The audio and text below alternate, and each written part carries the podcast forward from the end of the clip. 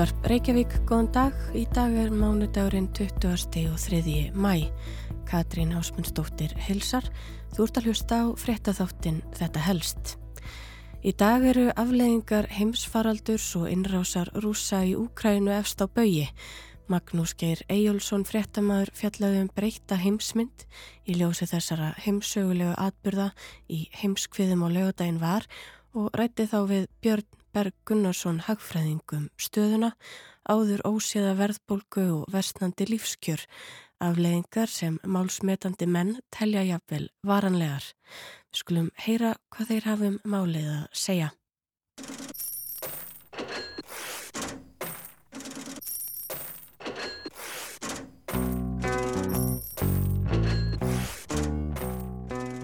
Árið 2022 átti að verða ár fjármálar á þeirrana. Það glitti í endalókin á COVID-19 faraldrinum og sáu þeirri hyllingum að varpa fram háum hafvakstutölum eftir bort síðustu ára. En svo hófst innrás rúsa í Úkrænu og má segja að Pútín hafi ekki engungu varpa sprengja á úkrænska borgir, heldur einnig sprengjum á heims hagkerfið.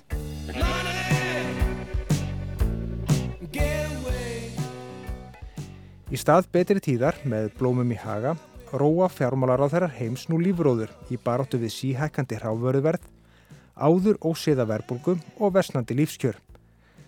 Rétt eins og faraldurinn á þetta þeita tímabundið ástand. En nú eru málsmetandi menn farnir að tala um að áhrif þessara heimsögulegu viðbörða verði varanleg. Stríðið í Úgrænu og innráðs rúsa þangað, það hefur áhrif að miklu leiti á sömu atriði og eh, COVID hafði. Uh, og þá að miklu leiti mitt alltjóðviðskipti segir Björn Berg Gunnarsson, hagfræðingur og höfundur bókarinnar Peningar, sem fjallar um, eins og nafnið gefur til kynna, hinnar ymsu hliðar peninga. Áhrifin sem hann talar um er skortur og þegar það er skortur á einhverju þá hækkar verðið. Í faraldrinum rofnuðu aðfangakeður við um heim.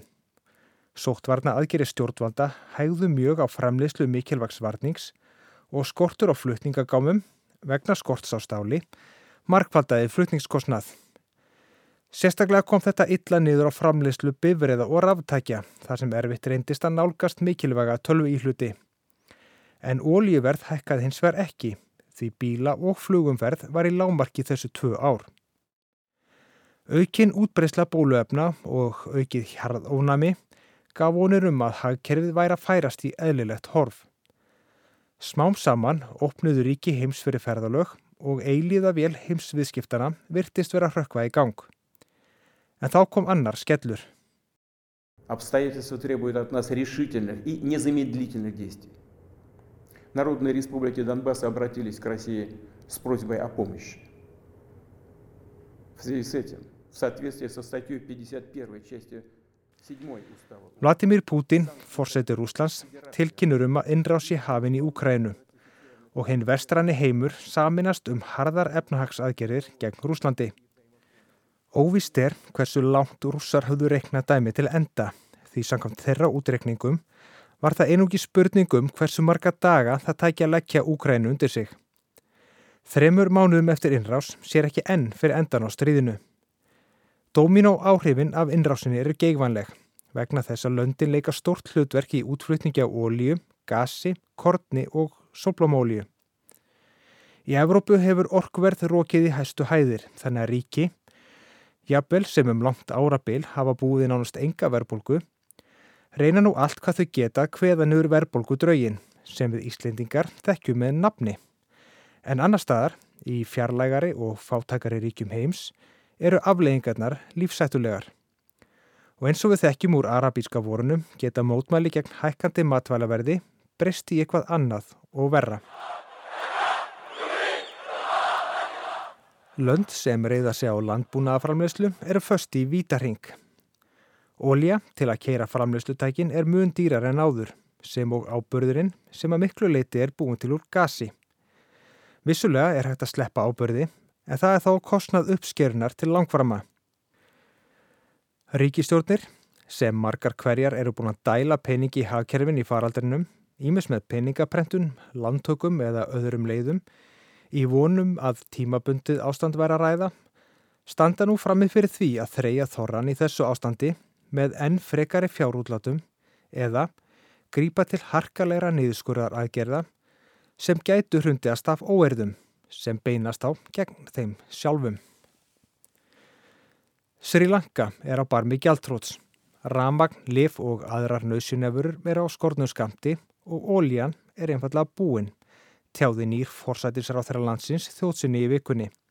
Eftir að forveri hans í starfi sagði af sér vegna efnahags ástandsins.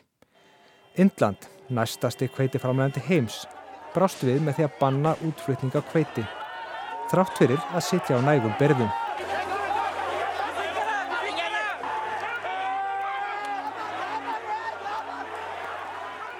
Í Argentínu er verðbólgan, sem er komin yfir 50%, farin að valda óerðum, enn og aftur. Ríkistjórnir í Túnis, Ghana, Suður Afriku og Marokko standa orðið ótröstum fótum. Annar staðar, til að mynda í Jemen, Eþjópju, Suður Sútan, Sýrland og Afganistan, vofir hungusneið yfir. Efnahags hörmungar dreifa úr sér eins og skóareldar í fátakari ríkjum heims. Mikið til vegna atbyrða sem gerast í óra fjarlæð og þau hafa enga stjórn á. Og ofan á þetta allt saman er Kína, einn upplugasta turbínan í heimsagkerfinu í hægagangi, vegna sóttvarna aðgerða stjórnvalda þar sem heilu stórborgunum er skellt í lás vegna nokkura COVID-smitta. Öll þessi áföll upp spurningar um hvort og þá að hversu miklu leiti tröst heimsagkerfið er á tímum nattvæðingar. Þar sem áfall í einu landi getur sett af stað bylgu áfalla í fjarlægum heimslutum. Gekk nattvæðingin og langt. Svo umræða er að þegar hafinn og margir spertu eirun þegar Jerome Powell, selabankastjóri bandaríkjana, sað á dögunum að staða nattvæðingarnar var í óvissu. Obviously, Chair Powell, there are going to be ramifications of this for growth and for inflation if we are, in fact, in a world where globalization is going in reverse or even dying. What do you think? Well, that is, that is certainly a possible outcome here. I think you've seen um, questions about globalization, and this, this uh, series of events around Ukraine certainly has the, the possibility of leading to a more fragmented political situation and economic situation.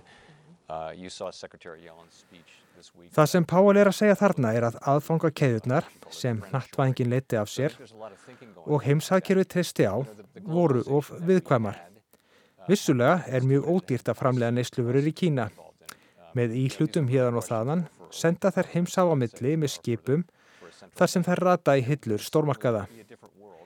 Í eðlulegu árferði gekk þetta smurt en þegar eitthvað bjátar á, svo ekki sér tala um þegar heimsfaraldur rýður yfir, þarf afskaplega lítið til að keðjan rofni.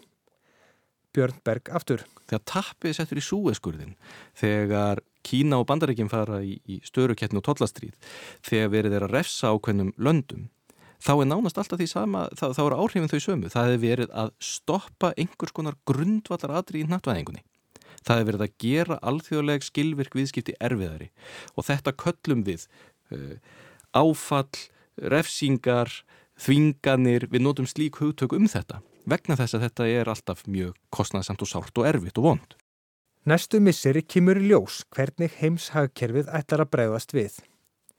Býður það af sér stormin og heldur áfram eins og ekki það við gerst eða verða einhver flekaskil. Einkenningin er svo að aðfanga keðjurnar verða stittar, að framleyslan færist nær heimamarkaðnum, jafnvel þótt að fel í sér meiri kostnað. Ekki bara gæti það þýtt viðvarandi verðbólgu til lengri tíma heldur einnig að öld hins ódýra neysluvarnings líði undir lok. En að minnstakosti væri tryggt að frambóðu væri stöðugt. Þessi þróun var reyndar að einhver leiti hafinn fyrir faraldur til að mynda með America First stefnu Donald Trump. Og við konust flest við slagorðið veljum Íslenskt. En Björnberg óttast ekki aftukvarf til þjóðhernisinnar efnagstefnu þótt vissulega komið til með að greina blæbriða mun á nattvæðingunni.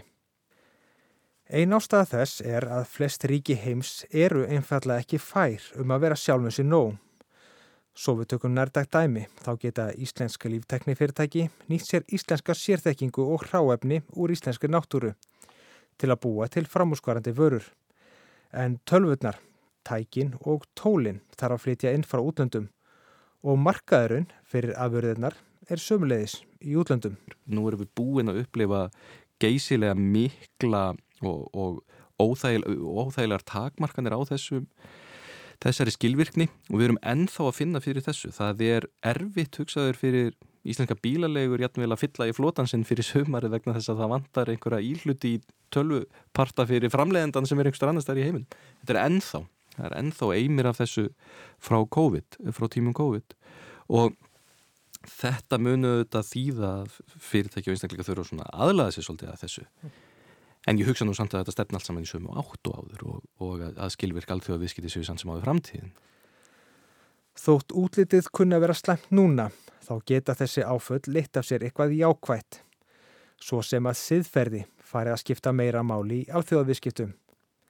Þegar innrásinn í Úkrænu hófst dróðu mörg alþjóðleg fyrirtæki úr viðskiptum við Rúsland. Þau sem gerði það ekki fundu fyrir miklum þrýstingi neytenda og í vikunni lokaði McDonalds öllum sínum stöðum í Rúslandi. Innrásinn ofinberar að þótt heilmikil skamtíma gróði geti fyllt við að eiga í viðskipti við spilt einræðisríki, þá getur kostnærin þegar uppi staðið verið mun meiri. Jafnvel afstæða ríkja til félagsleira mála og umhverfismála getur fara að skipta æ meira máli. Bæði fylgir því gríðarlega mikill kostnæður eins og hefur raungerst að koma peningunum sinum fyrir löndum sem er ekki lægi. Það er bara geysilega kostnæðasamt. Eh, það hafa þúsundir, þúsundir, þúsundir miljard að tapast af sparifið uh, íbúa Vesturlanda sem geimdir hafa verið í Rúslandi í fyrirtækjum þar og, og öðru uh, þannig að bæði er það beitt kostnæður en svo getur þetta líka verið einmitt bara uh, móralst að, að, að fólk fari að hvetja sín fyrirtæki með veskinu sínu, með pressu og uh, fulltróða síns fjármaks, svo lífur í sjóðu og aðra, til þess að raukstiða það hvers vegna verið er að fjárfesta á vafusum stöðum eða að, að, að forðast á með, með öllu. Innrásin í Úkrænu kann svo að verða það sparki rassin sem vestranríki þurftu í loftlagsmálum. Mörg ríki Evrópu hafi verið ofháð Rúslandi um olju og gas. Þóttu laungum hafi staðið til að draga úr þeirri þörf er nú farin á fullt vinna við að finna aðra orkugjafa. Björnberg á von á að þangað flæði peningarnir á næstu misserum þá er alveg klart að það verður núna ráðist í gríðarlega miklar fjárfæstingar í endurlegaðar orku, jættvel að skala sem aldrei nokkur sinni séð áður. Uh, eitt stæsti eignastýringar aðil í heimi, uh, BlackRock er að spá því að það verður hreinlega sprenging í þessu og geysilega miklu fjármagnir verði auðsið í endurlegaðlega orkukjafa á næstunni. Og það er þá uh, hitt og þetta, við erum ekki bara að tala um það að, að, að kveikt verða aftur upp í í, í kjarnorku verum og reynd svona að bjarga málunum kannski til skamstíma heldur að, að lengri tíma plan á plön uh, stóra þróaðar innríkja mun ekki býða lengur.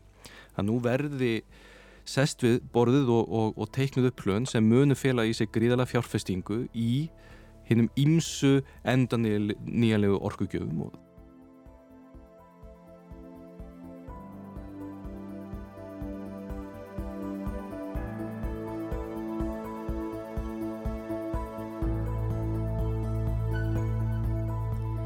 Þarna heyrðum við í Magnúsi Geir Ejjólfssoni fréttamanni fjallaðum afleðingar heimsfaraldurs og innrása rúsa í Úkrænu. Hann rætti við Björn Berg Gunnarsson Hagfræðing um nattvæðinguna og breyta heimsmynd í ljósi þessa alls. Þetta var helst í dag, við verðum hér aftur á sama tíma á morgun. Þátturinn er einni aðgengilegur í spilaranum og hlaðvarpsveitum. Verðiði sæl.